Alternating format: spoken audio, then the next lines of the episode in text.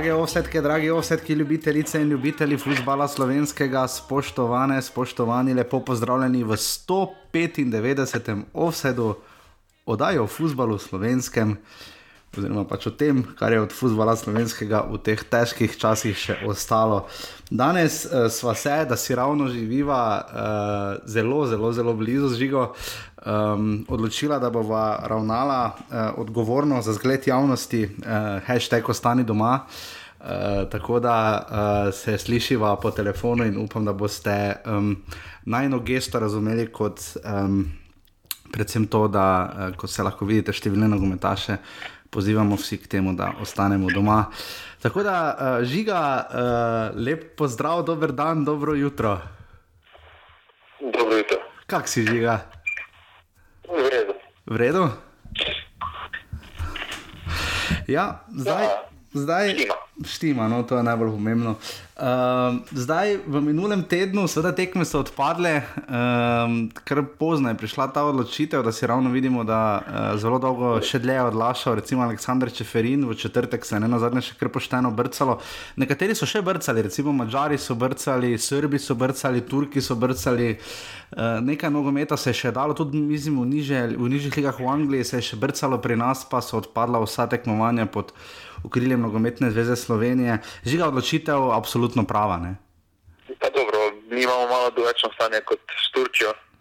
Turčija še ni toliko primerov. Uh -huh. uh, tako da pri nas, pa po vzoru drugih organizacij, no, se je dolgo čakalo, ampak uh, mislim, da pravilno. No. Res pa so najdlje čakali Nemci. Ja, Nemci so zelo dolgo čakali, tudi Angleži so se kar dolgo časa nagibali, čeprav so imeli že celo Mikela Arteto, uh, obolelega, trener Arsenala.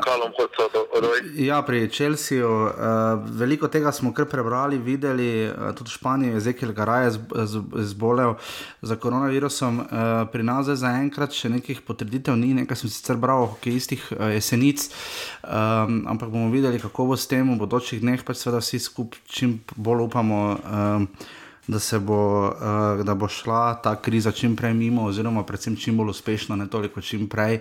Nogomet je tu najmanj uh, pomembna stvar v tem trenutku, ne? definitivno to se najbrž strinjamo vsi, ampak vseeno ne moremo mimo dogodkov, ki so uh, se dogajali v preteklem tednu. Sveda najbolj znana in najbolj odmevna informacija je pač ta, da je potem Zlatko Zahovič dejansko odšel iz ljudskega vrta. Žiga, ti si bil kar prepričan na eni točki, da bo odšel. Jaz moram povedati, da nisem bil tak fejst. Mislim, da sem že tekom tedna ti dovolj napisal, oziroma že predtem dovolj napisal, da, je, da smo vedeli nekateri že malo prej, ampak uh -huh. uh, mislim, da žal takega konca no, si ni zaslužil. Uh mhm. -huh. Lahko bi na dosti lepši način odšel, no, ampak uh, poznamo Zlatko, da poznamo njegovo kariero. Uh, da vedno je prišel s pompom in vedno bo odšel s pompom. Uh mhm. -huh. Da neki umirjeni konci eh, ne spadajo njegovemu karakteru. No. Ja, da, čeprav se mi včasih zdi, ko, potem, ko se dejansko zgodi tisti uh, neki trenutek v njegovi karieri, tisti res odhod, odhod, potem, ko je več en dan ugotoviš, da zdaj pa več recimo, ne bo igral reprezentančnega nogometa, ne bo več igral uh, klubskega nogometa, recimo, ko se je poslovil od Benfike. Um, ko se potem zgodi odhod, pa je vendarle nekako. Uh, v bistvu samo človek, ne, tako kot vsi mi ostali. Ne. Takrat se vseeno zdi, je pač odšel, ne. življenje bo šlo naprej. O tem bomo seveda več, še več rekli v prihodnosti. Ampak žiga, um, kaj z njega odhod pomeni širše, ne samo za en kamaribor, o tem bomo kasneje malo več povedali, ampak za slovenski futbal. Pa dobro, mislim, da se zavedamo vsi, eh, koliko je na slovenskem nogometu, tako na igrišču kot ob igrišču. Um, ampak vseeno 13 let je kar dolga doba. Uh -huh. eh, videlo se je, da eh, psihično, eh, mentalno ni več eh, naj, najbolj oster, najmočnejši.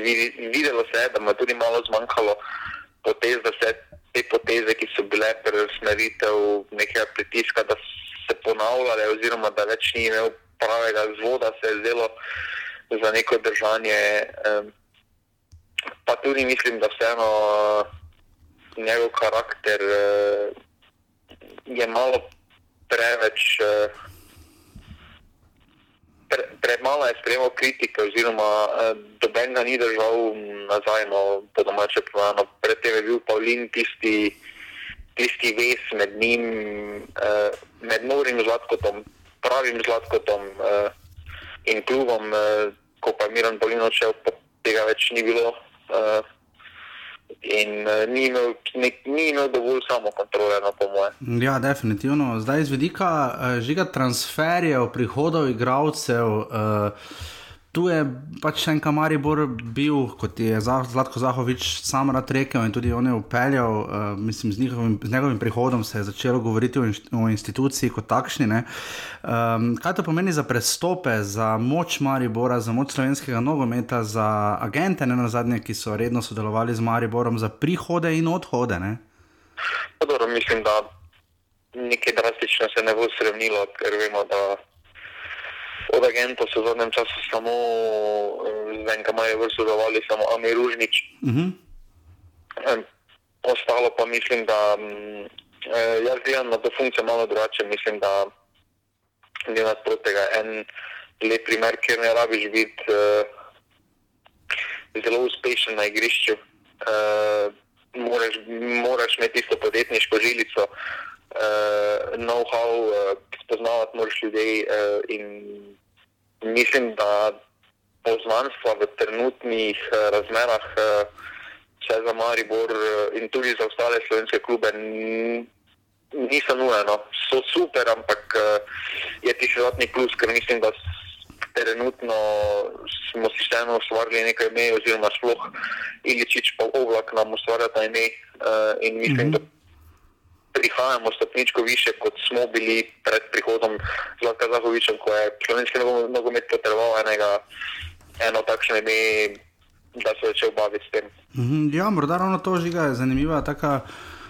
Časovna neka uh, prelomnica, morda ne. Videli smo, da je Josip Piličič seveda dosegel štiri gole, edini, mislim, da v gosteh, uh, ko so šle tekme na izločanje v izločilnih bojih lige Prvakov. Uh, Jan Oblak je imel sjajno tekmo in izločil z Atletico Madridom, venilice naslova Liverpool. In uh, morda tu vidimo počasi, da se bo ta generacija nekako vendarle enkrat morala zamenjati, da bojo prihajali novi športni direktori, pri trenerjih vidimo, da se generacija počasi pomlajuje, ker vidimo pač recimo era tistih nogometašov, ki so igrali recimo za Matjaža Keka uh, na svetovnem prvenstvu v Južni Afriki, vidimo, da prevzemajo nekatere funkcije, ne od Milivoja Novakoviča, Roberta Korena, Marka Šulerja, ne? vsi ti počasi se vračajo v slovenski nogomet in lahko verjetno pričakujemo še koga, je pa seveda vprašanje, ali ima kdo te kapacitete, kot jih ima Zlatko Zahovič. Ne? Vse, mislim, da da so primerni kandidati. Eh, vprašanje je samo, koliko je njihovem interesu, ker mm, nekaj se tudi razlikuje, ti vrhunski nogometaši, oblak, mhm. Iličič, ko bo ta prišla na določena leta, eh, si bo ta skozi kariero več ustvarila, kot, so, kot je ta generacija in ne bo sta potrebovala mogoče. Na tak način vračati slovenskemu nogometu, e, mislim pa, da vsakemu je interes e, da svoje znanje predaja. -huh. uh, na koncu, pa tudi mislim, da 13 let, uh, zelo lahko to primer, uh, je neki naravni proces, da bi postavil, uh, da bi imel bolj časno funkcijo, ker se ena 13 let na um, najbolj udarjeni poziciji, izmed dveh najbolj udarjenih pozicij v slovenskem nogometu, je ker močno. Kakorkoli, ker se na ni človeka s pritisk in uh, vseeno, jaz mislim, da bo nova generacija tudi pokazala, uh, da zna, uh, da ima nove prijeme, da ima mogoče malo bolj sodobne prijeme. Uh -huh. uh, In da bo šlo vseeno skozi. Ja, ker preden zdaj gremo po tem drobovju tega. Uh, Morda ravno to, ne, da zdaj med temi superzvezdniki, oziroma ljudmi, ki so v recimo, kolektivnih športih dosegali izjemne uspehe v tujini, imamo recimo primer Radoslava Nesteroviča, ki se je seveda vrnil v Slovenijo in uh, postal kar eden izmed ključnih členov košarkarske zveze Slovenije kot uh, njen uh, sekretar. Ne, um, in je zelo zanimivo, recimo na drugi strani Beno Udrih uh, ima sicer za že um, slovensko državljanstvo, videli pa bomo, seveda malo bomo še morali počakati, kaj bo z nekaterimi drugimi, recimo že Kopitar v hokeju, um, na zadnje pri nogometu, Samir Handanovič je seveda še, še vedno aktiven igralec, uh, v roku recimo petih, šestih let verjetno ne bo. Ne. Uh, v roku petih let uh, bo verjetno kar nekaj stvari drugačnih. Um, Takrat bodo vsi ti igralci šli blizu 40 letom in bomo videli tudi za Josipa Iličiča, kaj se bo zgodilo, ko bo enkrat končal kariero. Um, in tako naprej. Ampak definitivno imamo tu kar dobro zaledje, to je verjetno tisto, kar želiva sporočiti, ne žiga. Mm, pa dobro, mislim, da v današnjem času tudi Tejina ponuja več opcij. No. Uh mhm. -huh. Zato tudi, uh, ja, rado, ja, ne staro več en primer, ampak na drugi strani pa imamo Breste, ki uh -huh. pa mhm. dela ki pa dela v Ameriki eh, kot scout. To bo še nahbar. Ne, ni praktično v slovenski košarki. Uh -huh. uh, vseeno, tujina uh, ustvarja priložnosti. Tudi vemo, da Zlatko Zahovič ima lepo opcijo za tujino, uh -huh. ko je tako zaključil kariero. Uh -huh. Pa da je družina uh, prepričala, oziroma tam težko to razložiti zunaj kazovalca, ampak uh, uh, mari borčani po duši uh, v, svoj, v svojem življenju hočejo nekaj dati mesto. No. Mm -hmm. In uh, mislim, da tega s tem zaslanjem do Ljubljane, do drugih slovenskih mest, ni, toli, ni v tolikšni meri prisotno v osebi. Uh, in tudi mislim zato, da en Zlatko Zahovič uh, bo daleč največje ime, ki se je vrnilo v slovenski, slovenski šport. No. Ja, čas bo seveda pokazal, ali, bo, ali je bilo to z Bogom, po vsej verjetnosti je bilo bolj samo na svidenje in se kmalo spet vidimo. Um, podcast, seveda, offside 195 je že po vrsti, danes je malo bolj, skuša biti čim bolj sproščene narave. Um, ker seveda tekem ni, hvala seveda vsem, ki sodelujete v skupini Passivni Offside, tudi do tega pridemo, kako smo zadnjič izbirali uh, top flop in vse ostalo, kar še je, če, uh, enajsterici, če bi bilo prvenstva, konec po sedanjem uh, sistemu, torej po odigranih 25 eh, krogih, slovensko prvenstvo jih ima seveda 36. Uh, Žigo bova podebatirala, kateremu klubu bi najbolj ustrezalo, kateremu najmanj, komu pauza godi, komu ne. Um, seveda pa res, res, res hvala vsem prejšnji teden, uh, mislim, da je. Uh, spet prišlo kar nekaj uh, želj, pohval in tako naprej, in bi se res uh, rad vsem uh, vsem uh, zahvalil, uh, predvsem uh, vsem tistim, ki to redno počnete, pa tudi tistim, ki to počnete občasno. In uh, um, res sem. Um, zelo, zelo, zelo ganjeno za nekatere, uh, Jakoba in tako naprej, da vse to počnete. In res hvala, in vse bo seveda probo iti naprej čim bolj uspešno. Bomo zdaj videli, kako bo v tem tednu, zagotovo še ne bo prvenstva, pač do konca marca so tekme odpovedane. Uh, verjetno se bo to nagnilo še v april. Uh, žiga, kaj ti misliš, preden greva v, v to, kar sem ravno napovedal? Uh, kaj bo z nogometom, ko če, kaj je s koledarji, jutri, v torek je zasedanje OEFE, ker bodo sprejeli odločitev o Evropskem prvenstvu. Jaz se bolj nagibam k ideji, oziroma k realizaciji tega, da bo pač Evropsko prvenstvo predstavljeno. Um, mislim, da najbolj smiselno um, večini je, da se, da se sezona piše kot. Uh, ni bila odigrana do konca. Uh -huh. e, sploh, če se bo to zavleklo, odvisno od tega, se bo končalo. Če se to konča zdaj po 14 dneh, e, ko se odprejo šole, oziroma pri nas, e, pa se potem lahko en teden spet vrne neko normalno, potem da se odigra, potem ja, liga se ne odigra do konca, absolutno. Ampak če se to zavleče tam po veliko noči. E, pa en teden potem še nekaj priprav, mora z vrtulom, ker praktično da ne trenira. Pa potem 11 krogov še do konca, um, potem pridemo konec maja, začetek junija, pridemo konec lige. Mislim, da potem nima smisla uh, odigrati lige na račun slabše evropske sezone. No. Ja, poleg tega Evropsko prvenstvo pa tako ali tako ni popolnjeno. Ne? Tekme bi se morale igrati konec marca za popolnitev ne? preko lige narodov, kar se zagotovo ne bo zgodilo. Ne? Um, tako da niti, niti, niti nimamo še vseh udeležencev Evropskega prvenstva, naša liga pa verjetno najboljše potem, če se zadeva uh, spet vzpostavi v normalen tok. Da bi se pač potem sezona nadaljevala, zače, začela nova sezona po ustaljenem koledarju, kot so vse sezone. Ne? Ja, mislim, da je bolj smiselno, da se gleda dolgoročno, da se postavi spet uh, enak ritem, ker če za to sezono premaknemo, se bo potem naslednja sezona zelo malo premaknila. Ja.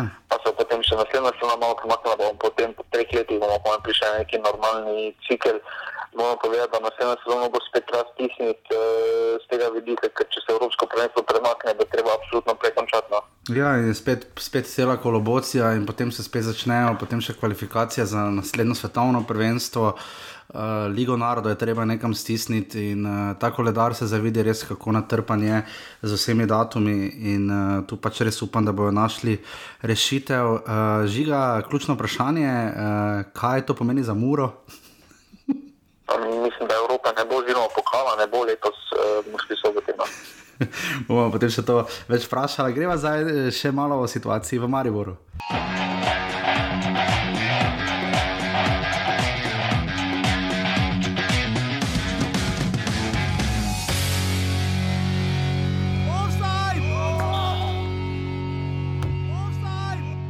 Tako nekaj smo že povedali, seveda o stanju v nogometnem klubu Maribor. Um, odhod Zlatka Zahoviča prišel je seveda 1. augusta uradno, v klubu je že deloval uh, par tednov prej, um, ampak ne v uradni kapaciteti športnega direktorja. Žiga, dajmo najprej eno stvar povedati, kako je s športnimi direktorji pri nas, pri Mariboru, to vrstne funkcije. Prej pravzaprav ni bilo, in tudi v nekaterih drugih klubih. Če bi zdaj pogledala, uh, verjetno še vedno večina klubov športnega direktorja nima. Športni direktor obligacija za klub, ga sploh potrebuje, je boljše združiti trenerja in športnega direktorja, kot so to imeli Angleži, pa se vendarle sami zdaj nagibajo, da bi vendarle te funkcije znova lo ločili. Ka kakšna je tu praksa? Uh, mislim, da to, da se, to, da se združi v eno funkcijo, se sam nisem predstavljal, ker je absolutno prevelik obseg dela uh, za enega človeka. Mm -hmm. Mislim, da se potem trpi eno in drugo, ker se ne posvečaš uh, dobenemu v polni meri, tako kot si obe stvari zaslužite. Uh, mislim, da vsi bodo prej zdaj. Uh, Vse angliži so tudi, angliži največ, ko so tudi ugotovili, da pač ne gre skupaj. Mm -hmm. Uh, Slovenija pa mislim, da bo kar obdržal ta da rabi se športnega direktorja. No. Mhm, zdaj, um, športnih direktorjev uh, za prakso Slovenija veliko nima. Ne? To je tako. Vidimo na primeru Oražma, vidimo na primeru Protege. Uh -huh. Da ne rabiš biti nogometni, bivši funkcionar, uh, ampak da se tekom vseh skupaj naučiš, uh, tako da uh, se marsikaj drugega človek mm -hmm. uči. Mislim, da uh, to se nič ne razlikuje, da se vsak možen priučiti tega. Uh, moraš imeti uh, neke sposobnosti, ampak tu predvsem uh, mislim, da ti bolj pomaga diploma iz menedžmenta oziroma ta žilica, kot pa uh, neka nogometna, uh, bolj nogometna no, žilica. Torej, boljše ekonomsko fakulteto kot uh, licenco UEFA Pro, ne trenersko. Ja, ja, če si predtem uh, odigral na nekem nivoju, je še vedno licenca zmaga, ampak uh -huh. uh, proti ekonomski fakulteti. Ampak če pa si delal prej pri uh, Microsoftu. Uh, pa imaš te licence, pa mislim, da vemo, kam te boš, eh, za koga je bolj njihova, da odločiš. Ja, absolutno zanimivo. Menijo si Mateja Oražma, ne? recimo, eh, če bi sodili po njegovem, oziroma primerjali njegov in Zahovičev primer na eni strani, pa potem recimo tudi Olimpija je poskušala z parimi športnimi direktorji. Uh, je nekako bolj uspešna praksa, vse na dolgi rok, tista, ker je pač nekdo upet v delovanje kluba. Veš, da nimamo profesionalnih športnih direktorjev v smislu, da bi, ne vem, tri leta bil na tej funkciji v celju, dve leti v Murski soboti, eno leto v Mariboru, tri leta v Olimpiji, tega nimamo. Ne? Tisti, ki je v Murski soboti, ne prišel majte. to je definitivno res. Uh, ampak uh, zdaj veliko. Uh, razlogov, mislim, razlog, zakaj je Zlatko Zahovič odstopil, je kar dolga zgodba. Uh, pač na koncu sam je rekel, zgodil se je šport, ni želel točno povedati, na koga je letelo. Rekel se je, da se je zgodila atmosfera linča. Uh, znal se je se vedno, nekako, ko so šle stvari zelo daleč, znal sicer povedati, da obstaja hierarhija kluba. Uh, da je tu vodstvo tisto, ki odloča, kako bo posredovalo, in tokrat so pač prišli do sporazumnega odhoda. Vemo, kaj več o tem slutimo, pač vemo samo, da je odšel sporazumno, kljub se mu je zahvalil, sam pa je tudi rekel, da je zadovoljen. Ne?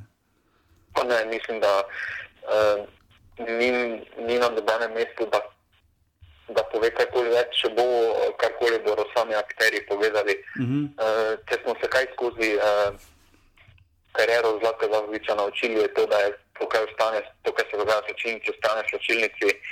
Uh, kakorkoli, tudi pri tistih SMS uh, eh, aferi uh, je ostal na nek način uh, gospod in ni šel prav perila uh, javno. Uh -huh. uh, in mislim, da je to edino pravilno, da je postavil neki zgled, uh, kako bi se morali drugi držati, ker vseeno se mi zdi, da v slovenskem športu vse prehitro gre uh, izza štirih sten, -hmm. izza garderobe. Uh, v tujini vseeno, v neki meri ni to tako prisotno uh, kot v Sloveniji. Slovenija pa še, še vedno vidi, da je v tem pogledu. Država, no. Ja, pač vsi to jemljemo zelo osebno, vsi vse poznamo, vsi mislimo, da vemo vse. To definitivno drži. Um, kaj je bila, probat, kaj je bila najboljša stvar, ki je uspela Zlatko Zahoviču, seveda poleg tega, da je kljub z njim enormno rasel, zanimivo šel sem brati arhivske tekste. Da je Zlatko Zahovič govoril brez iluzij uh, in, in želje po čudežih, uh, ko je prišel v ljudski vrt. Uh, Bojan Ban je takrat, recimo, skupaj z Dragom Sotarjem dejal, še vedno sta oba, seveda, v klubu, uh, ki sta bila tudi takrat, ko je Zlatko Zahovič prišel. Um, sta oba, recimo, takrat dejala, da si obetata več sponzorskih dohodkov, ampak v bistvu to ni tisto, kar je ključno raslo. Kar je raslo, so bili najprej prestopi, potem pa nagrada. Sicer skupaj, jaz na Transfermarktu zračunal, da je šlo to proti 29 milijonom evrov, ne vsi prihodki od prestopov igralcev, odkar je Zlatko Zahovič prišel v klub. Uh, to je zavidljiv denar, ampak uh, zelo, zelo zavidljiv denar. Ampak seveda v eni točki je tudi klub zelo uspel pridobivati zelo veliko evropskega denarja. Uh, kaj je bila najboljša stvar, že, ki jo je Zahovič naredil v Mariboru? Mislim, da tri stvari bi jaz tu izpostavil. Okay. Uh, prvič, da je dal slovencem oziroma slovenskim klubom um, da vedeti, uh, da lahko, uh mhm. -huh. da smo zmožni tega. Uh, drugič, uh, slovenskemu nogometu je omogočil Josipa Iličiča. Uh mhm. -huh. uh, Josip Iličič, če sem pozabil, da Viličara vozil. Ja, doma je bil. Štiri gole v Valenciji, ja. ne bo vsak zahodil. Ja, vem, vem, delo v proizvodni. Ja, uh, tretja pa mislim, da je uh, po tistih turbulentnih uh, letih uh, en, enega izmed vodilnih konjev slovenskega nogometa oziroma vodilnega je pripeljal na položaj, uh, kamor je, kjer je že bil in kamor spada. Uh, Tako da mislim, da to so za mene trije tisti vrhunci, pa seveda je ono lakarno. Ja, so, ja, absolutno. Uh, žiga je morda uh, bila. Mislim, zdaj, glede na to, da je odšel, kljub še zaenkrat v stabilni formi, ampak bo seveda potreboval prihodke, če bo želel delovati na teh obratih. Uh, Zahovič je pa še februarja, januarja ob začetku priprav povedal, pač, da sta samo dva načina prihodka, kako v slovenskem nogometu dobiš denar. Uh, eno so prestopi od igralcev, drugo pa pač Evropa, uh, če se tja uvrstiš. Uh, je bila prav ta pot, da je najprej uspelo z Dimitrom Markrijevom in potem recimo uh, Sekira vmet padla z Iličičem, pa Bačinovičem. Uh, Potem pa so vendarle prišli evropski uspehi, vse so bile tudi nekatere zelo, zelo dobre prodaje, od, uh, uh, tudi kasneje, delno Velikonija, pa Jan Mlaka, omenjeni na zadnji Dino Hotič, so bili po milijonski prestopi, kar seveda za slovenski nogomet ni malo. Ampak je bila ta prava usmeritev, je sploh pač učbenika za to berila, za to, kako se to izvede, ni bilo. Noben ni bil v taki situaciji pred njim in tudi zdaj ni nihče. Ne. Um, je bila to prava usmeritev, uh, ki je potem šlo malo bolj začelo iti na robe, da je Maribor se preveč zanašal, je moja teorija, da bo žoga šla v gol. Ne? Ne, mislim, da je največ, kar je šlo na robe, se začelo dogajati, da bi si prvi uvrstili v Ligo Vroko v eri Zlatka Zahoviča 2014. Uh -huh. Takrat je Maribor prišel v položaj. Uh, kjer je izpolnil vse. Uh -huh. uh, na koncu je imel tudi finance, uh, finančno zaledje, da bi šel v neko prenovo ekipe, uh, ampak to ni storil predolgo. Predolgo so nekateri dobivali pogodbo zaradi preteklih zasug, uh -huh. uh, prišlo je do zasičenosti. Uh, potem pa ta druga vrstitev ni bila. Uh, ni bila realna. No, toliko sreče, kot je imel Marijo takrat eh, z žrebom, z vsemi stvarmi. Uh, mislim, da nikoli več se ne bo vse eno to ponovilo.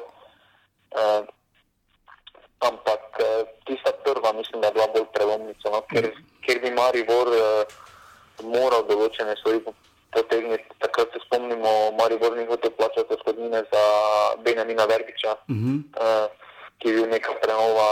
Uh, in še par drugih primerov uh, je bilo po tisti tudi vidimo, da evropski rezultati so šli uh, nazorno, da ni bilo niti ne uvrstitve v Evropsko ligo. Ja, Maribor se dolgo ni uvrstil v Evropsko ligo že, ja, to je definitivno znano, tudi potem seveda je svoje naredil prihod Milana Mandariča, ki je uh, Maribor ni bil več edini, ki je lahko ponudil večje plače, prišel je Milan Mandarič, ki je lahko ponudil še večje, zdaj za ceno česa bo čas pokazal, ampak uh, Um, definitivno pa se mi tu zdi, da pač glede na to, da žiga, ko si omenil krasno tisto prvo ligo prvako 2014, od tega je zdaj že skoraj da šest let. Ne?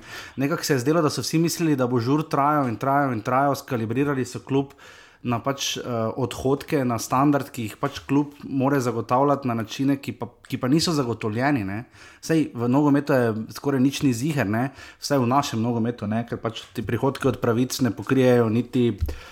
To bo zdaj zvenela čudna primerjava, niti kazni navijačev včasih ne. Ampak uh, uh, se mi tu zdi, da seveda, ko so šli prihodki gor, so šli vsi, ne? potem artikli, uh, prodaja vstopnic, tudi sponzorji so začeli nekoliko več denarja dajati, ampak spet pa ne toliko, da bi klub lahko sam po sebi zagotavljal določene zneske. Ampak, uh, Kakšno je bilo to razmerje športnega in finančnega dela žiga med uh, obljubljenimi premijami, podpisovanje pogodb? Ker moja teorija, pač moje, moje mnenje tu ali pa izkušnje so ta pač. Uh, Ni Zlatko Zahovič tisti, katerega podpis je, kolikšna bo plača igravca? Uh, prej sem se pozval omeniti, pač pred ono prvo Champions League se je videlo neki dolgoročni cilj v moštvu, videlo se, da Albansko raste po tisti, pa se je zdelo, um, kora, da so vsi čakali, vse bomo, vse, uh mhm. -huh. vse bo šlo, uh, ni bilo več nekega dolgoročne vizije, nekega planskega dela. Uh, tukaj pa mislim, da kar se pa tiče stroškov podhodkov, uh, mislim, da so pač igralci ne, ne izkoristili položaj, ampak uh, pač videli so, kaj so dali klubu. Uh, kakšno ime imajo, kakšne sposobnosti imajo. In zaradi tega je logično, da ti cena naraste. Mm -hmm. Mislim, da tukaj ni nič narobe, ampak eh, tukaj na Mariboru eh, kot klubu bi bilo, da bi jim poiskali drugo sredino, tudi pač za kakšno nižjo odškodnino. Mislim, da je Maribor s tisto prvo vrstico v Champions League pozabil. Uh, čemu služi ta klub? Ta klub služi uveljavljanju mladih igralcev, mm -hmm. ne mhm. služi, eh, da igrajo 30-letniki. E, nekaj, ja, ampak ne pa, da sami 30-letniki igrajo. E, in je Maribor takrat malo spozabil, ker žalostno je, da je Maribor takrat 2014, ko je imel moč, ko je imel namreč nekaj osebo v zadnjih 20 letih. E, je imel na zdajšnjem Mariboru več mlajših igralcev, uh -huh. ki so postavili. No. Ja, Peter Stanovič prišel uh -huh. praktično ničesar. Ekipa je bila mlajša, skoraj za 3-4 leta, verjetno. Buhar je še dokaj neuveljavljeno ime. Uh -huh. um, je pa se tudi nekaj drugega takrat zgodilo. Takrat je uh, lahko za Vičem z Mariborom dosegel vse, kaj lahko doseže realno v slovenskem nogometu. Uh, potem pa prišel njegov sin, uh, 2014 je prišel Luka Zahovič v prvo postavo, takrat se je pa videlo, da mu več na, na zvene delovalo, da več ni uh, prioriteta uh, neki dolgoročni rezultat, ker je dosegel vse, ampak da bo Luka dosegel neko določeno stopnjo, ker ne pozabimo, zaradi Luke se, tudi, so se zgodili primeri Šuler, primeri mm -hmm. Dalibor Volaš. Mm -hmm in podobno. No. Mhm, ja, tu definitivno. Uh, tako da treba kar velik vpliv pripisati uh, prihodu in forma Luke Zahoviča. Dobro, lani je seveda bil prvi strelec lige, je tudi slovenski reprezentant. Uh, veliko mu je bilo podrejeno, seveda ne smemo pozabiti, da je Zaho, Zlatko Zahovič trikrat uh, ponudil odstop, še rev tretje je šlo rado. Uh, prvič ga je ponudil v tisti svoji prvi sezoni, um, ko je zamenjal tri trenerje, uh, ko z Milkom Džorovskim zagotovo ni zadeval polno. Uh, Maribor se je mučil in ne na zadnje. Uh, Drugič v zgodovini, takrat sploh ni tekmoval v Evropi, 2007 uh, sezoni, 2007-2008 je končal na četrtem mestu in ostal brez Evrope, uh, potem pa je začel iti gor naslednjo sezono, prišel je Darko Milanič um, in potem je šlo na vzgor, dokler je Darko Milanič ni odšel, ampak tista kriza, takrat potem, ko je Milanič odšel v šturm, um, prišel je seveda Ante Čačič. Uh, Maribor se vrsti v Evropsko ligo znova, ampak um, tiste je bil neki prvi pretres, Zahovič je potem ponudil odstop, se vrnil v klub, bile so peticije, Zaho ostani. Uh, drago Cotar se spomni, da mi je rekel, vse si bo pubec premislil. Um, kaj ti misliš, zakaj je takrat to toliko lažje, nekako se vseeno potem klub skalibiral in se že potem v roku leta dni. Uh, najprej prezimi v Evropi uh, pro, uh, in dočakal Sevilijo v 16. finala lige, uh, Evropske lige, potem pa se šel vrsti v Ligo Provako. Žiga, zakaj je takrat ta pretres ni bil tako hud? Zato, ker je bila ekipa, takrat je praktično bilo vseeno. Kdo je bil trener, da sem šel do Čačiča in potem Šimunže. Ta ekipa je organsko zrasla do določenega nivoja. Eh, da je bila eh, uvrstitev v Evropsko ligo osnovni minimum, uh -huh. uh, ker se s svojim znanjem, s svojo kvaliteto, s svojo konstantnostjo je to dosegla. Takrat uh, se spomnimo, da tisti Maribor, eh, tudi v slovenski ligi, pustimo lakšno delo, ampak delovalo je, da ko se Maribor odločil v tisti slovenski ligi, ko so se igralci odločili, da bo za ta gol, pa je bil gol. Pa če to pomeni v zadnjih 15 minutah ali prvih 15 minutah. -huh. uh, takrat se je videlo, da imajo nekaj več, da ima tisto sedmo nekaj več. Uh, so, takrat tudi uh, tisti zasedbi je Marko Stavar že mlajši, ki je velika kakovost za slovensko ligo. Uh -huh. uh, pa tudi prava mešanica je bila no, in uh, takrat je organsko vse skupaj zraslo do nivoja, da je bil nas edini korak možni še naprej, Liga Provakov in takrat je tudi ta ekipa to dosegla. Uh, ja, dlje pa ne gre, ne, ker v, pol, v polfinale lige prvakov Maribor ne more priti. Ne, pač, ne, ne, ne, ne. Ni niti, da slovenski klub napreduje iz uh, skupinskega dela. No. Že Evropska liga je čudež, ne, glede na to, da je samo Maribor uspelo. Ne. Evropska liga, se če pogledamo, uh, najprej tista prva vrstitev v Evropsko ligo preko Rangersov, uh mhm. -huh. še vedno prišla prehitro. Ampak, ampak prišla je na podlagi. Takrat vemo, da so Rangersi imeli probleme. Vem, prišla je pa tudi na podlagi, prišla je pa tudi na podlagi tega, da. da Lahko rečemo, da je mhm. prišla na račun, da je Duda manjši premagal Salzburg in jih vrgel ven. Mm. Tista tretja je bila že zaslužena. Apoel uh, je bil vseeno prejšnje leto igral v četrtfinale lige prvakov, Maribor pride, jih izloči potem pa vseeno eh, prezimiš v Evropi prvo, prvo leto v skupinskem delu Evropske lige imaš praktično točk, potem imaš malo več, potem zmaga pride in mm. tako naprej.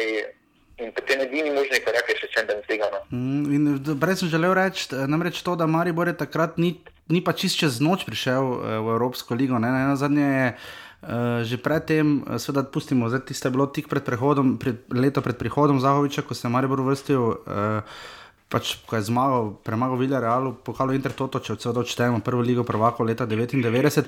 Ampak veš, Maribor je takrat vseeno imel že tisto izkušnjo z Cirihom, ne? Eh, potem je prišla seveda Sparta, pa je izpadel, naslednjo sezono je prišel Palermo, veš, gradil je, imel je te dve leti, dve leti prednosti, zdaj pa več naenkrat tega, potem ko je lani izpadel v tretjem krogu kvalifikacije za Evropsko ligo proti Rangersom ne, in bi ga še čakal še en krog, letos pa proti Ludogorcu uh, v playoffu uh, lige Evropa, ne, ker tudi ni bil tako daleč. Ne.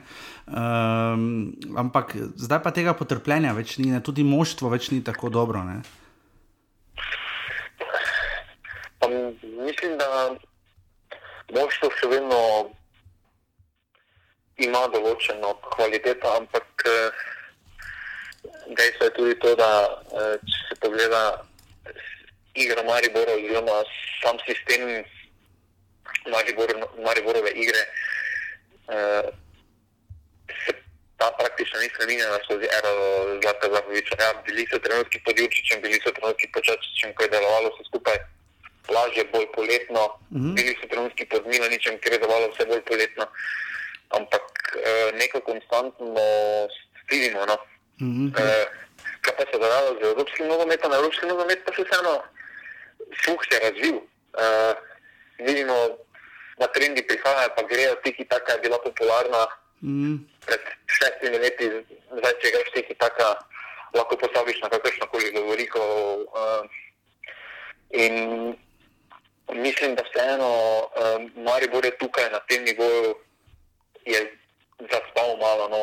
E, to pa gre predvsem na račun trma, eh, trme strokovnega štaba Maribora. No. Mm -hmm. In tu pri strokovnem štabu, morda še samo ta del, je Krunoslav Jurčič bila tista neka priložnost, da bi Zlatko Zahovič morda videl še nekatere stvari nekoliko drugače, kot jih vidi sedaj, ne v smislu. Uh, da je morda Krunoslav Jurčič dobil premalo časa, da bi lahko morda Zahovič dopustil, da obstaja še kakšen drugi tip fusbala. Ne? Pa ne, mislim, da ja, so bili ok trenutki pod Jurčičem. Uh mhm. -huh.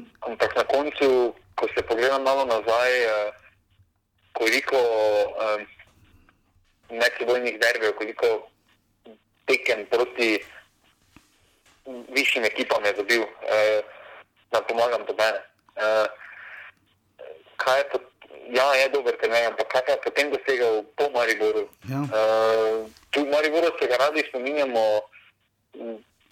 v lepem spominu, vse veliko bilo lepših trenutkov kot slabih, ampak na koncu uh, pravimo, da pravim, edini, edini neki, edina beseda proti Milaniču je, da je šel v Trino, da je pogorel.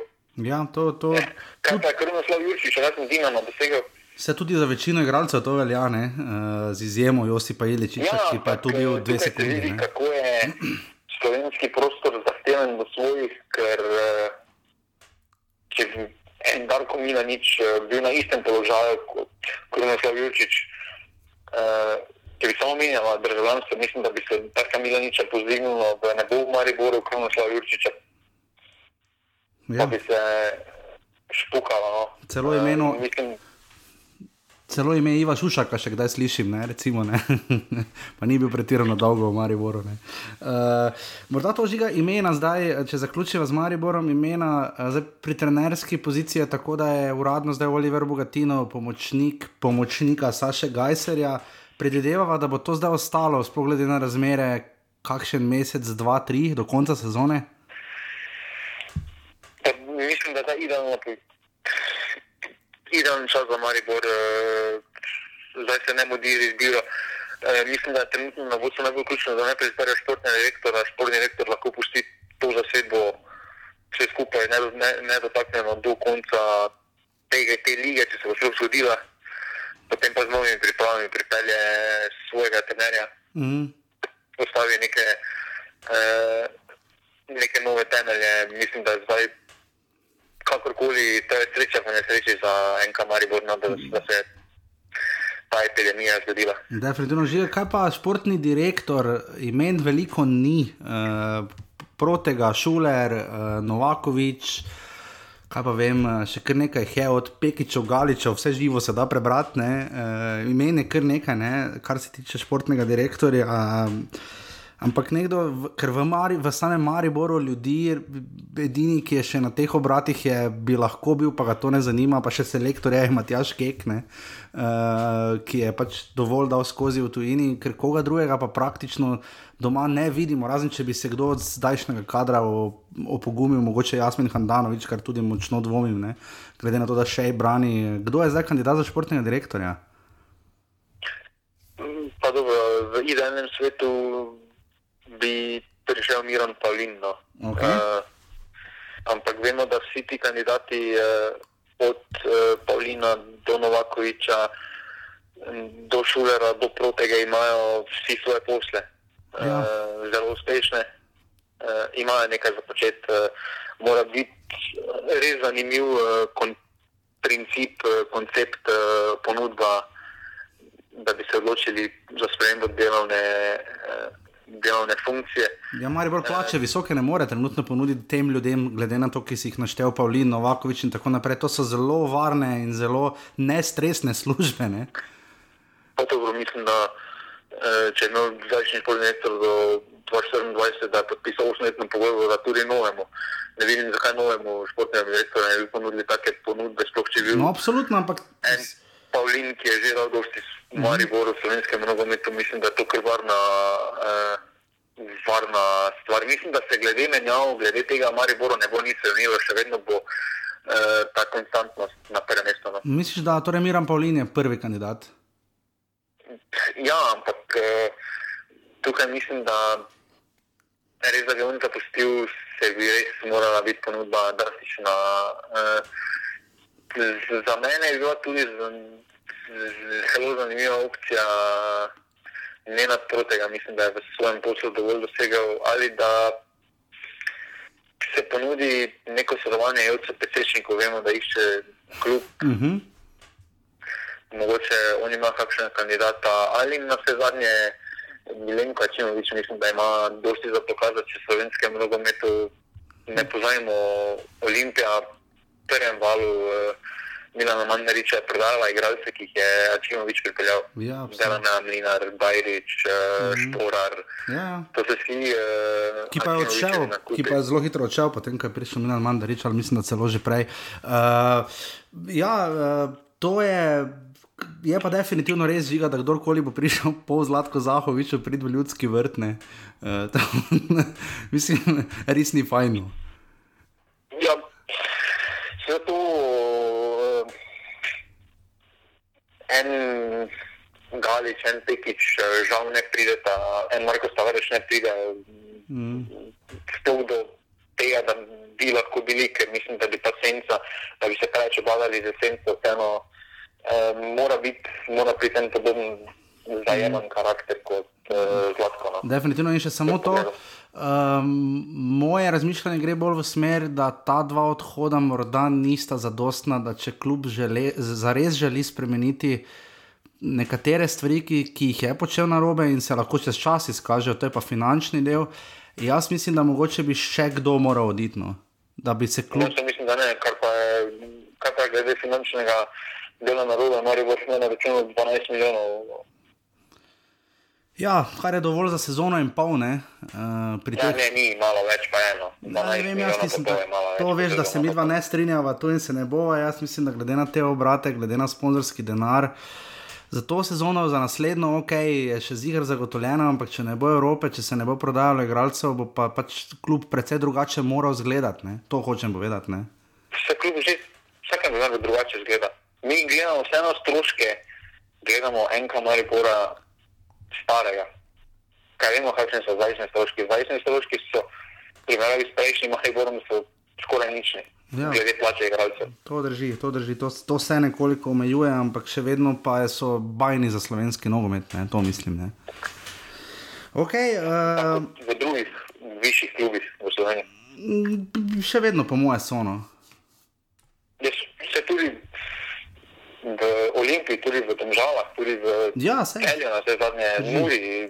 igralci profesionalno živijo. To je res, to je res. Ja, po materiju ni, ja. to se, to se definitivno strinjam. Uh, dobro, to je to, kar se tiče enega Maribora, kadarkoli že to bo. Uh, greva zdaj še hitro pogledat, kaj prekinitev prvenstva pomeni za klube v prvi ligi Telekom Slovenije. Uh,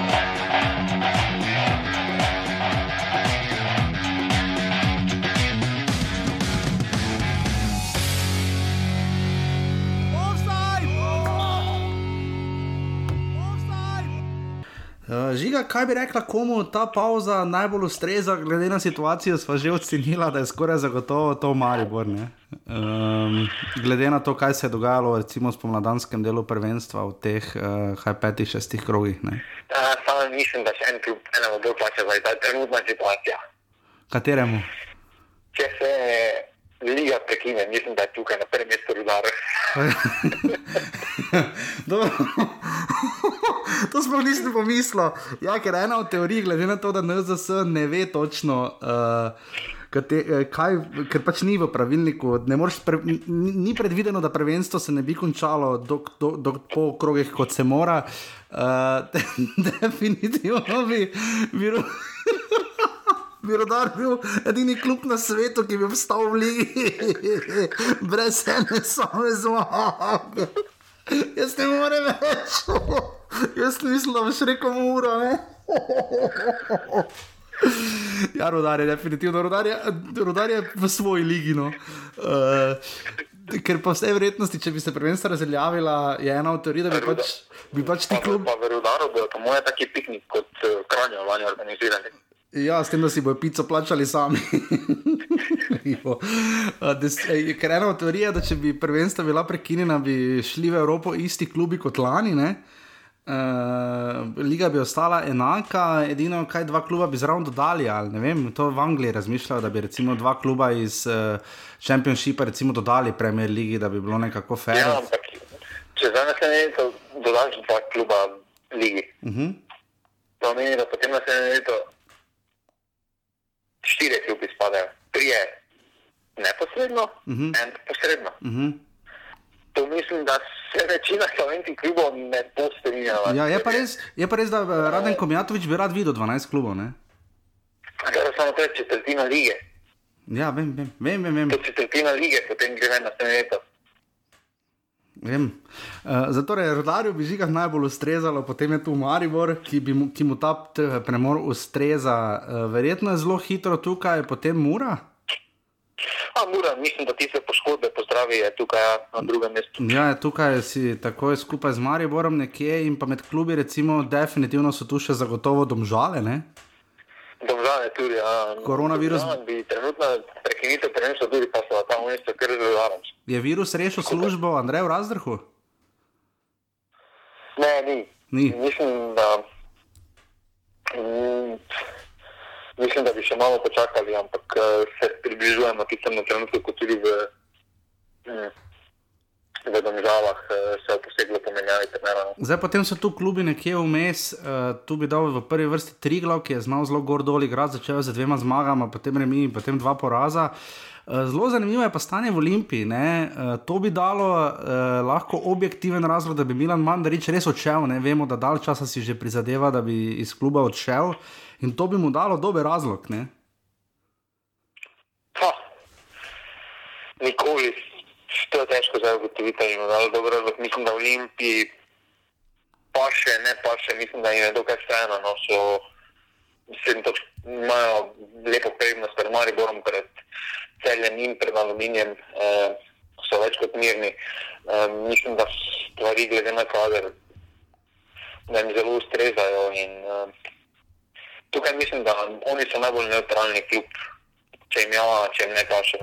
Mm, torej bi rekel, da glede na to, da ti si, kar namreč tvoja trditev je bila, da je Olimpija praktično že prvak, ne? bi torej ostala brez tega. Ja, glede na to, da je trenutno bi prvenstvo pač razveljavljeno. Uh. Trenutno pač, glede na dane razmere, ne bojo prvaki, no, če bo uh mhm. -huh. tako ostalo, ampak to ne se mi ni dejstvo, da so daleč najboljši v letošnji sezoni, da si zaslužijo naslovno. Ja, definitivno. Uh, potem pa med osmoljenci bi zagotovo bila tabor Sežana, tudi, ne, ki je res dobro uh, štartala pod uh, Maurom Kamoranezijem, zabeležila le en poraz, tri zmage in remine. Uh, tudi, tudi bravo, recimo. Največji osmoljenci so celjani. No. To smisel na koncu rečem, ampak če še vedava tu, poleg, zagotovo bi še bravo tu zraven spadal. Ne. Eh, med klubi, ki so se ravno začeli pobirati, ne na zadnje so še ne poraženi spomladi. Uh, delno je tu razlog tudi aluminij, ne? je pa res, da njim, njim je vseeno zdaj začelo vseeno malo id, glede na to, kako si točke klubi jemljajo. Pa mislim, da aluminij podobno kot uh, oni so svoj primarni cilj uh, presegli. Okay. In pa seveda uh, največjo smer. Največji smoljenci pa bi bili seveda celjani, ne pozabimo, celjani so v zadnjih štirih sezonah končali na petem mestu, zadnjo evropsko tekmo so igrali leta 2015. Ne? Uh, in letos so bili na zares, zares dobri poti, tiho se je šušljalo, da bi lahko mogoče celo pokukali za naslov, čeprav smo zadnjič vse dopovedali, zakaj je to bilo sila malo verjetno, ampak oni bili pa največji osmoljenci. Ne? Ja, oni so absolutno največji osmoljenci. No. Glede na trenutne razmere, glede na igro. Uh, vsaka neka prekinitev, vidimo že koliko pomeni reprezentančni nogomet uh, v klubskem nogometu, kako se na hitro premešajo karte na novo. Uh, pa trenirajo takrat med reprezentančno pauzo, uh, kaj že le zdaj pomeni dva tedna oziroma tri tedne brez nogometa to se na novo, posebno, kar se zameša. No. Ja, to bi, bi celjane res zaustavil, ta silovit na let, ne? tudi oni imajo tri zmage in dva remija, samo še Bravo je imelo taki skupiček uh, v teh petih spomladanskih krogih, uh, Sijajna Formadarja, Vizingerja, Mitja Lotriča, Žana Benedičiča, Ivana Božiča. Uh, in o tem uh, bomo več rekli, o, te, o idealnih in najboljših bomo pa rekli še zdaj v zadnjem delu oddaje, ko se nam mogoče še nekdo pridruži.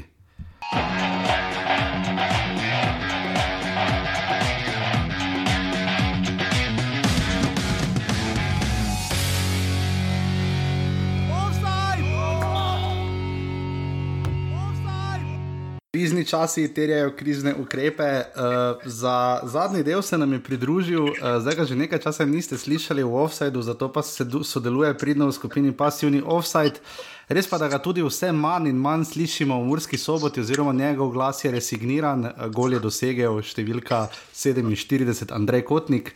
Eh, nič več se ne zloguje na fazeneriji, bolj malo slišimo golo mure. Eh, zdravo, Smiljan. Zdravo, zdravo, jaša, zdravo, žiga. Uh, zdravo, zdravo. Uh, Smiljan, um, kako ste v Murski soboti sprejeli dejstvo, da, da je nogomet začasno prekinjen?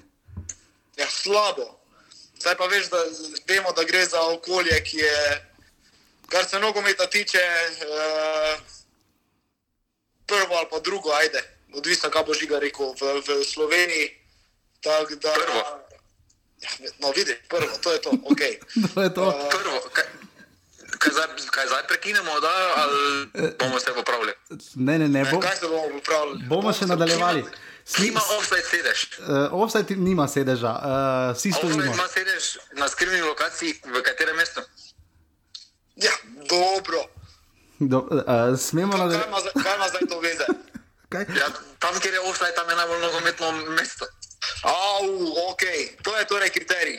Kaj jaz spet, spet grem, ker že prej, ko smo začeli s pogovorom, ko ste vi poslušali že nekaj. Vrstitev kamorkoli v Evropi. Oh, dobro, uh, Smiljan. Spet mešaš jabolke pa kruške. Smiljan, ali je nogometna zveza Slovenije sporočila karkoli glede usode pokala Slovenije, letos, uh, katerega finale bo letos organizirano na Fazaneriji v Murski soboti? To je to, kar nas najbolj skrbi. Ni nobenih informacij, pa verjetno, glede na to, kako stvari stojijo, vprašanje, kaj bo s pokalom. Tega je verjetno najbolj vesel žiga, da mu ne bo treba priti na Fazanerijo. Jaz, mene samo skrbi, da ste stolpe za stojno postavili tam velnes. Tudi mene. Pa nismo. Saj bo nova sezona se bo začela, brez skrbi. Bojo stolpi dovolj dobri. To je, to je definitivno res. Miljan, eh, po žiginih informacij se je nogometna zveza Slovenije odločila in eh, pokalno lovoriko podelila aluminiju. Dobro, žigine informacije vemo, koliko so točne, tako da o tem ne bi zdaj. Pa jaz mislim, eh, jaz mislim, da v vsakem primeru, tudi če se pokal odigra, bo NZS podelila pokal aluminiju. Zakaj? Ja, ker v dveh tekmah mora ne bo dala gola. Al aluminij pa kakšnega zagotovo bo. Ja, dej, dejstvo je, da ta teden žiga in smiljem bi morali uh, na, v Kidričevo, ne, ta teden bi se sicer odigrala prva pokalna tekma. Ne. Ja, škoda, da tega ne bo, ampak uh, saj tudi, če bi bilo tako, kot je bilo prvotno načrtovano, zvraj tekme brez gledalcev. Vsi vemo, da to nima smisla, vsaj po moje, brez veze. Nogomet se igra za gledalce, vemo vsi po vzoru. Uh, pač jaz bi se tukaj šel po tem vzoru, tako je dejal vem, Lebron James pred časom v, v, v Ligi NBA. On je rekel, da če ne bo tekem predavci, jih niti ne bo igral in to je edino pravilno. Ja, poleg, po poleg tega bi se tudi igralci lahko med seboj okužili, kar smo že videli v preteklosti, da se tudi dogaja. Uh, žiga, uh, Smiljan za žigo sva prej ravno debatirala, kateremu klubu je bolj ustrezalo, kateremu klubu manj ustrezala prekinitev prvenstva. Muro smo dala med klube ne na prvo mesto, ampak na tretje. Med klube, med klube, ki jim je ustrezala prekinitev, kaj bi ti rekel, glede na rezultate, glede na stanje, je verjetno dobro. Tu bi se, tu bi se strinjal z vami, absolutno je. je zažigo, popravi se zažigo. Zažigo, ja. ja. Jaz sem ni tega mnenja. Ne, jaz sem pozabil, ko sem povedal, da je namreč Maribor prvi klub, ki mu najbolj ustreza pač premor zaradi koronavirusa. Pa Maribor pa še premor, ja, da lahko v miru te stvari, ki so se zgodile v zadnjem času, pač poštima, išče menjave, kakorkoli rešitve, ampak glede, glede, glede igrišča. Uh, pa definitivno, po mojem, še najbolj ustreza Muri v tem trenutku, da je, da je pauza. Glede splošnega stanja, če bi bilo prvenstvo razveljavljeno, pa je seveda žiga takoj spomnil na klub, ki sem ga jaz tako eh, kruto pozabil, potem ko sem navijal celo pomlad za njim, je seveda tu rudarne. ja, rudarju bi, rudarju bi ta scenarij, da nobene izpade, vsekakor bil najbolj uh, pisan na kožo. Uh, bomo pa videli, kako bo treba zdaj čakati eh, na njihovo zmago. Zdaj, še en čas bomo čakali, ne? zdaj je še prvenstvo prekinjeno. Smiljen, kateri je trajal še dve časa? Smiljen, glede na to, da se, so se vam poškodbe kar poznale, kateri igralci se počasi naj bi vrnili, kakšno je njihovo stanje, komu bo ta pauza prišla prav v smislu, da lahko pravočasno ukreva. Zato, najbolj, se... najbolj, po mojem mnenju, to ustreza Matku Obradoviču, ker on je tisti, ki je prvi nekako na tej poti, da pride k sebi, da, da bo lahko začel braniti. Uh, pol za njim je pa tako že Fejsal Mulič, kar je vemo, za, za, za, za, za, za pokalne tekme po žiginem mnenju je to glavni adut. Tako da se je žiga zmotil, da ne bi mi dali gola aluminijo. Vsi vemo, da Fejsal zabija med tednom, tu ni da ni. Sviljan, kuhar, dame in gospodje. Med tednom smo seveda eh, zelo pridno urejali, to je bilo v petek 13 smo se med drugim dotaknili tudi um, pač, uh, fiktivne, fiktivnih nagrad oziroma izbora, kaj bi se zgodilo v primeru, če bi bilo prvenstvo konec in smo izbirali. Najboljše, najboljšo postavo, najboljšega trenerja in tudi flop uh, sezone, flop 11. In tukaj se glede nekaterih stvari zelo nismo strinjali. Najprej, koga bi postavili? Se, bolj se žigo nismo strinjali, žiga nekako tu kvari to ljudje so, ljudje so zapuščali uh, privatne skupine, se vanje vračali, jih spet zapuščali. Tako da uh, uh, za vratarja je nekako žiga predlagal Jasmina Handanoviča. Jaz sem pač spomnil, da je branil samo na šestih tekmah, res pa da na teh šestih tekmah zelo dobro branil. Uh, tu se verjetno strinjamo ali se ne? Pa recimo, samo je vseeno šest tekem premalo, vsaj po mojem mnenju, da da lahko govorimo o top ali pa flop. Ok, žiga. Kaj žiga je še tu ali je isto zapustil pogovor? Ne, je tu še žiga, žiga, tvoje mnenje, Golman? Jaz sem povedal, da jaz naj, naj, naj na stari sestavljam po principu, da imam eno tekmo, pa hočem zmagati, katerega bom zbral. Aha, okay, to je zanimivo, to je zanimivo, to, to se definitivno strinjam. Okay, bomo zbrali, mislim, kdo bi bil naj, naslednji za Jacvinom Handanovičem, kdo ima konkurenca? Matko, Matko Bradovič. Ok, do tega še pridemo, to, smo, to je bilo za neč 67 postov na to temo. Uh, pač definitivno pa smo nekaj ugotovili, da stabilnih golmanov nimamo, toliko golmanskih menjav, kot smo jih letos videli, jih praktično nikoli nismo. Čisto vsi klubi so golmane zamenjevali. Matjaš Rozman. Razen Rozmana, Rozman je edini stabilen golman, čisto vseh ostalih devet klubov je pa golmane menjavalo, razen Arko je pa. Ja, ampak dobro, Matko Bradovič bi po mojem isto bil stabilni golman, če se ne bi poškodoval. To je zdaj. To samo Smiljan, samo zato, ker nima konkurence. Smiljan, kdo je boljši, uh, Marko Zalokar ali Dejan Šafarič? Ha, težko. Žiga? Ne, ne, tak, ne, tak, ni, ni ravno fajn. Uh, vem, uh, govoriti o teh stvarih, da je nekdo dober, pa ni pa slab. Ampak, uh, nažalost, pri Šafariču je to, da nas ene tekme rešuje, potem pa spet ne veš, kaj te lahko čaka. Nažalost se mu dogajajo te napake, ki jih bo težko prvi golman v Muri. Drži. No, zalo, zalo, kar je za zdaj to, kar je odbra, moral odbraniti, je nekako odbranil. Tako da tu, tu mu ne moremo kaj učiti. Okay. Zbrali smo postavo 4-3-3, kar pomeni, da smo v obrambo postavili štiri igralce. Uh, jaz sem potem zapisal na desnem bočnem Nemanja Jakšič iz Aluminija, Nemanja v na levem bočnem Erik Boači iz Olimpije, čeprav recimo njegova forma počasi pada, se mi zdi, ker nekaj napak se mu je začelo dogajati. In pa v naštoperskem paru Nemanja Mitrovič iz Maribora in pa Ilija Martinovič, ki ga sicer spomladi zaradi spora v klubu ne vidimo. Uh, se tu strinjamo? Tu se strinjamo, tu ni nobene dileme, vsaj po moje. Žiga? Žiga? Ja, ja, tu se strinjamo. Tu se strinjamo. Najbolj malo se nismo najbolj. Okay, v sredino. V sredino smo dali Dejana Petroviča, ki je jeseni uh, že tako na, na podlagu sjajnih predstav iz Aluminija odšel uh, v Rapid. Uh, Tomislava Tomiča zaradi st relativno stabilnih predstav, čeprav recimo kakšen derbi mu ni najboljši uspeval, uh, in pa rok krona veter iz Maribora, tu se tudi strinjamo. Strinjamo. Žiga?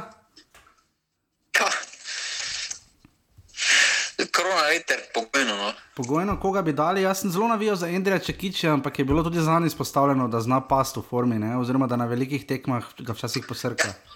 Ja, saj tako smo se menili, zdaj če bi gledali samo par tekem, tiste prvi del prvenstva, bi tudi Luka Bobičanec lahko bil, ki je takrat restauriral.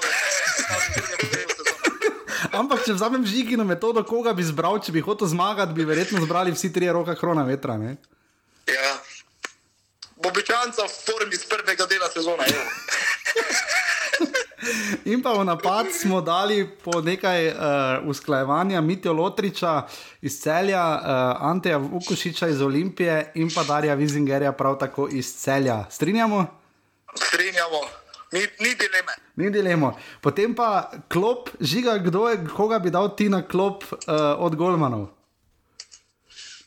To smo že rekli, da matko. Ne bi rekel, da Rozman, evo. Rozman, ja, ro Tu se ne bomo strinjali, evo. tu ne bomo prišli skupaj. Ja, ker sta nekdo šel gledati statistiko, ampak če bi moral dati Golmana, ki bi prišel sklopi, jaz bi mogoče tudi dal prej obradoviča. Jaz pa ne videl, ker obradovič je hodil z Maribora v klub sklopi, pa vemo, to je kaj vse delo. To... Pa, pa ne moreš zdaj ti spet spomnimo se stožic.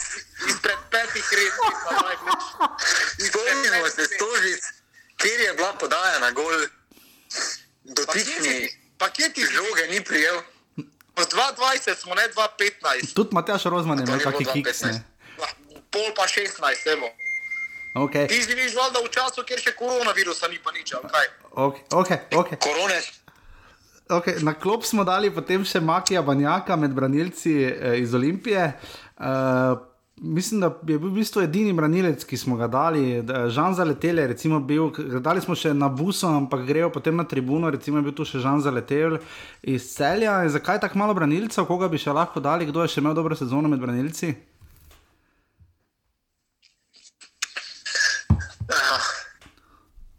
Težko, to pa res težko. Praktično ni nekega. Ja, ni, ker se je kar menjavalo. Mogoče stoji več no iz celja. Tudi. Tudi, tudi se je leto zelo naredilo. Uh, vsekakor noben iz Mure. No, gremo naprej. gremo naprej. Na sredino bi dali Matica Vrbanca, Žana Benedičiča, uh, Vr Vrbanec seveda iz Aluminija, Benedičič iz celja, Endriče Kiči iz Olimpije in pa. Z nekaj, kar nekaj pripomb, to so seveda vezni igralci, ki bi bili na klopi, in pa potem Luka Menalo iz Olimpije, za njega zelo navijal žiga, in pa Amadej Maroša iz Mure. Ali si Maroša bolj, bolj zasluži to kot recimo Ivan Božič iz Celja in recimo ja. Predrag Sikimič iz Tabora oziroma Domžal? Ne, definitivno. Zanimivo je, zanimivo je, da Smiljan trdi, da je eh, Bobičanec najboljši posameznik eh, Mure. Mure? Uh mhm. -huh. po drugi strani pa ga noče niti na klub, da hoče pa dati Marošu. Ne, ne, ne, ne. To, to, to, ti... to je res zanimivo. To prosim, če kdorkoli iz Mune posluša, da Maroša. Pač vidimo zdaj, zakaj črkuje ime Maroša, no? pa Bovičanec nema. Ja, ker se ker... Bobičanec ne gre lepo na zloge, kot Maruša. to ti tam razlagaj. Da ne bomo omenjali, ja, ja. kaj smo za njih delali iz, iz, iz imena za stadion Fazanerija. Ne, ne, ne. Saj, saj, eh, ko smo se menili, sem jaz isto za Bobičanca rekel, pa so bili argumenti, da je celje više, da je celje ono tretje, pa sem komaj pol zboril to mesto za Maruša. Okay. Ja, se, se ne zasluži na Maruša. Okay. Ne zasluži na Maruša ja, najboljše, da po tvoje bi kot mure, tako noben ne bi bil not. Ne, tisti, ki si zasluži, bi bil not. E, kdo pa si zasluži? No. E, trenutno, glede na sezono, si doben ne zasluži. ah, daj, daj, daj, daj. Pa lani si noben ni zaslužil, ne? Kdo je? Lani si imel pripombe. Smiljan, kdo je? Kdo? Smiljan bom jaz. Kdorkoli. Smiljan bom jaz tako vprašal, je lanska mura presegla pričakovanja ali je letošnja pod nivojem? To drugo. Jaz sem od letošnje mure pričakoval več, pa čeprav je šel Lorba, pa Sirk, da sta šla vse. Nekako bilo pričakovati več, sploh po, po tisti zmagi, uh, po tisti zmagi z Olimpijo. Uh, sam je pol šlo vse dol, to je, to je bila težava. Ne? Ok, se strinjam. Gremo še flop 11 pogledat. V vrata smo dali Grego Sorčana iz Domžal, ki se je hitro znašel na klopi. Ne? Ja, res je. Ni imel prav, spet smiljanje, spet um, subjektivno misli in je spet sebe hotel izpostaviti. Zakaj? Je, ker je spet moral še dal na gol.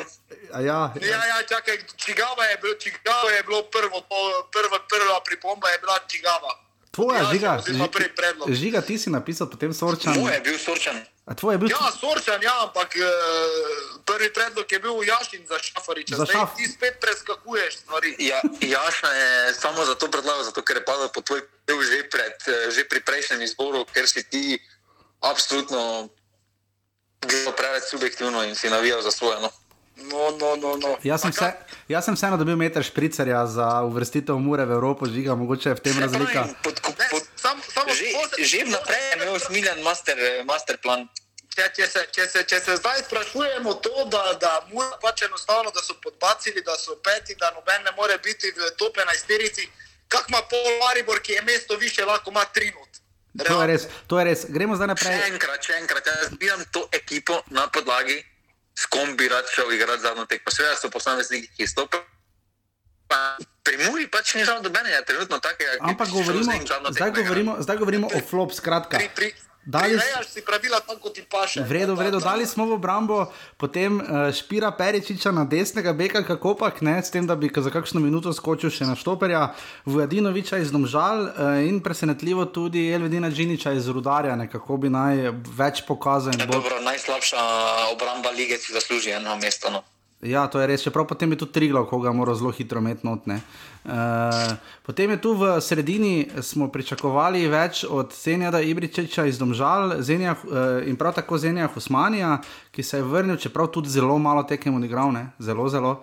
Uh, in pa Rudija Požega Vanca, še smo se nekako vmes odločali, ja, ne? Uh, pa če gledamo zgolj številke, si ne zaslužim, ampak glede na treba je gledati lansko sezono, no vseeno uh mhm. -huh. nekaj mora veljati. No, zato tudi pri Muri jaz toliko bolj kritično gledam, no, ker vem, kaj so ti igralci sposobni bili lani, kaj so letos in zato mislim, da. Takrat, ko nekaj poprečno igraš, ne smeš delati igralcem potuhe. No. In mislim, da smiljen to rad deva, moraš. To drži. Ne, to ni res. In, in pa ne smemo pa vzabiti v sredino, bi dali še Marka Brkiča. Uh, smiljen, zakaj? Enostavno pričakovanja so bila dosti višja, kot, eh, kot je bilo to potem na igrišču. Nekako, nekako stvari, ki so bile videne na treningu in so obetale pol na igrišču, je bilo čisto čist nekaj drugega, nažalost. Pa... Zdaj za zdaj, evo, ampak. Uh... za zdaj enostavno ne gre. Okay. V napad smo pa še dali Lazarja Miloševa iz tabora, ki je odigral že 17 tekem in še ni zabil. Uh, Jasmina Mešanoviča v Mariboru, ki sicer ima dva gola, ampak se hudo, hudo muči v napadu in je popolnoma izgubil vse, kar ga je nekoč krasilo. In pa smiljen, koga smo še dodali v Flop 11? Uh, Žige, najljubšega igralca za Ligo Prvaka. Fejsala Muliča, dame in gospodje. Smiljan, ti si bil res navdušen, ko je Mulič podpisal za Muro. On je ne na zadnje v Izraelu podpisal za Muro, ne? Ko ste bili. Tako, tako. Res sem bil, jaz sem čakal, da bo zdaj Terminator pride dva metra pred golom, da bo haral. Pa nekako premilo vse skupaj deluje za zdaj. Za, tren za trenerja smo se pa po žignem predlogu odločili vsi trenerji rodali. ja, to, to je bil dober predlog. To mu dam, tu se strinjam z njim, absolutno. Okay. Dobro, pomočnik pa ni šmunža. Potnik, ne, ne, ne tako slabo ni bilo. No. Vse je zelo čudom žale izpokala. Ja. Pa, kaj je la, napram lani, napram letošnja igra? Ja, to je lahko Darko Milan, čisto pomočnik. Ni... Ja, oba dva sta. Ja. Ja, dva pomočnika imamo. E, Dark, da, Darko Milan nič ne more priti več v poštev, ker več ni trener. Ajaj, vidiš, spet. Pol, pol, pol ne morejo biti vsi trenerji rudarja, ker je, ker je samo en trenutno trener. To se strinjam. Smiljan se iz tvoje profesionalne prizme strinjamo, da ima najboljšega špikera na stadionu Velenje. Absolutno. Absolutno. Tam z Wikipedije zveš, kako novost. Pa koga bi, koga bi rad imel v skupinskem delu lige prvakov, špiker, ko se je Mari vrtjal v vrsti, tista je bila tudi. Fair play sezone smo seveda vrstili Neca Vidmarja in njegovo uh, človekoljubno pomoč uh, nogometašu Rudarja, presenečene sezone, seveda obisk tekem Brava. Um, po čem bi si zapomnili sezono, če bi se razveljavila? Smiljan, kaj bi ti rekel? Tak, kaj jaz vem. Jaz bi si jo zapomnil, verjetno najbolj potem, da smo imeli šanso, da vzamemo pokal, pa ga ne bomo vzeli. To je najbolj vsega. Niti v finalu še niste. Pa dobro, ampak v tem trenutku mene osebno najbolj to, mislim, skrbi, najbolj žalosti, kakorkoli. Da si tako blizu, pa ne pravim, da bi skočili aluminij ali ne bi, ampak resno, taka šansa, ko je letos vprašanje, kdaj bo spet. Mislim, to, da, mene, mene osebno najbolj to. to najbolj mislim, da edina kluba, ki se jim bo srce zlomilo, sta Liverpool, ki čaka na državni naslov leta 89 in pa Mura, ki čaka na Lovoriko od leta 95. Ne. Ja, ampak mislim, da Liverpool imajo celo že dovolj tekem odigranih, da tudi če se prekina sezone, da je, da je regularna, če se ne motim. Ja, to drži, to drži. Smiljan, eh, po pač enih predlogih oziroma idejah bi pač šli isti štiri klubi kot lani v Evropo. Eh, kaj bi to pomenilo za Muro? Podpišem takoj. Bi bili konkurenčni bolj kot lani? Ja, zdaj žiga nekatere igralce že ocenil po štirih tekmah. Eh, tak, da jaz takih zaključkov še ne bi delal, tak, da bi jim še dal par tekem časa, da vidim, kaj, kaj so zmožni, pa kaj niso. Uh, vprašanje je, zdaj Kozarja verjetno do takrat še ne bo nazaj, razen če bi bil, če bi se vse skupaj zavleklo, je to en velik plus, lahko pa bomo videli, kaj lahko dajo še ti ukrepitve, te ukrepitve, ki so prišle.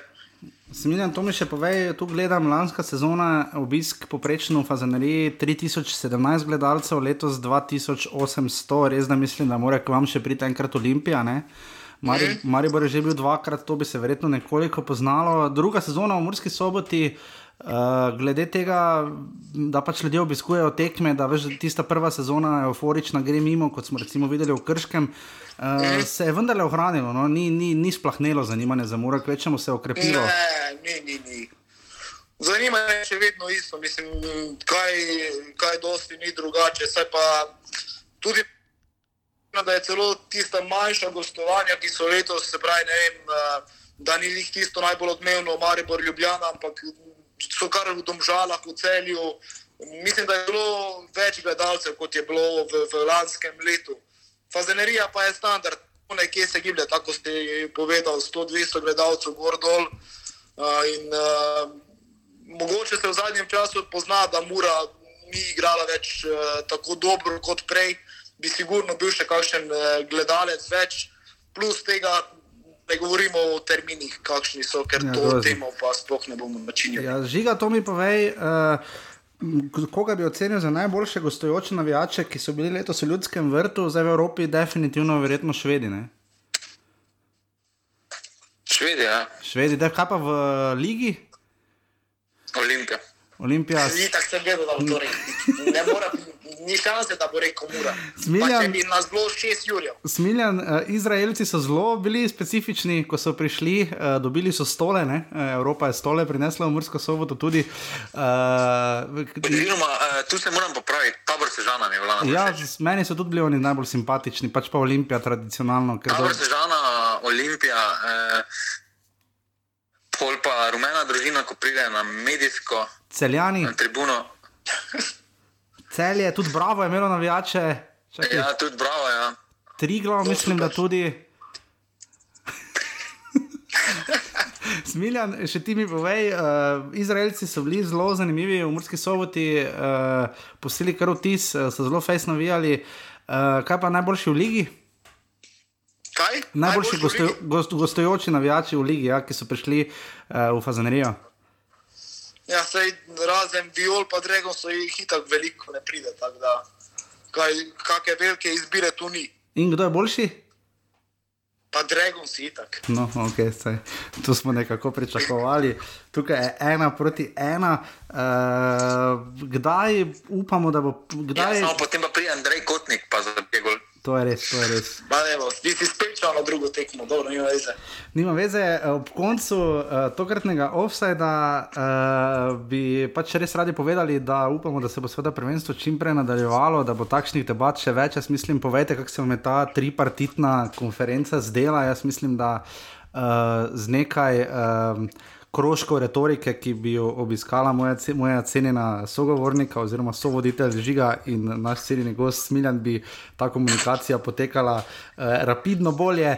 Ampak res povejte, kako se vam je zdelo, meni se zelo dopade v teh kriznih časih. Um, še to morda Liga Provakov. Uh, Bi tudi bili kar malo osmoljeni, ne glede na to, da je Iličič prišel do četrt finala, ne bomo videli, zakaj bo sploh s tekmovanjem. Ne? Ja, zdaj ste omenjali res ta neki playoff, vprašanje, kako bi bilo sploh to, sploh to odigrano. Je za Iličiča vse, kako škoda, da je, kar je. Ja, Ti zabiješ štiri gole pred praznimi tribunami. Ja, je bilo, veš, to, to škoda. To je kar hudo, kaj pa nič nismo rekli o slovenski reprezentanci, ki bi zdaj morali odigrati dve tekmi, ne, in jo potem jeseni čakajo kvalifikacije. Vsi, vse reprezentance bodo na istem, ampak kek bi pa nujno potreboval prijateljske tekme. Ne?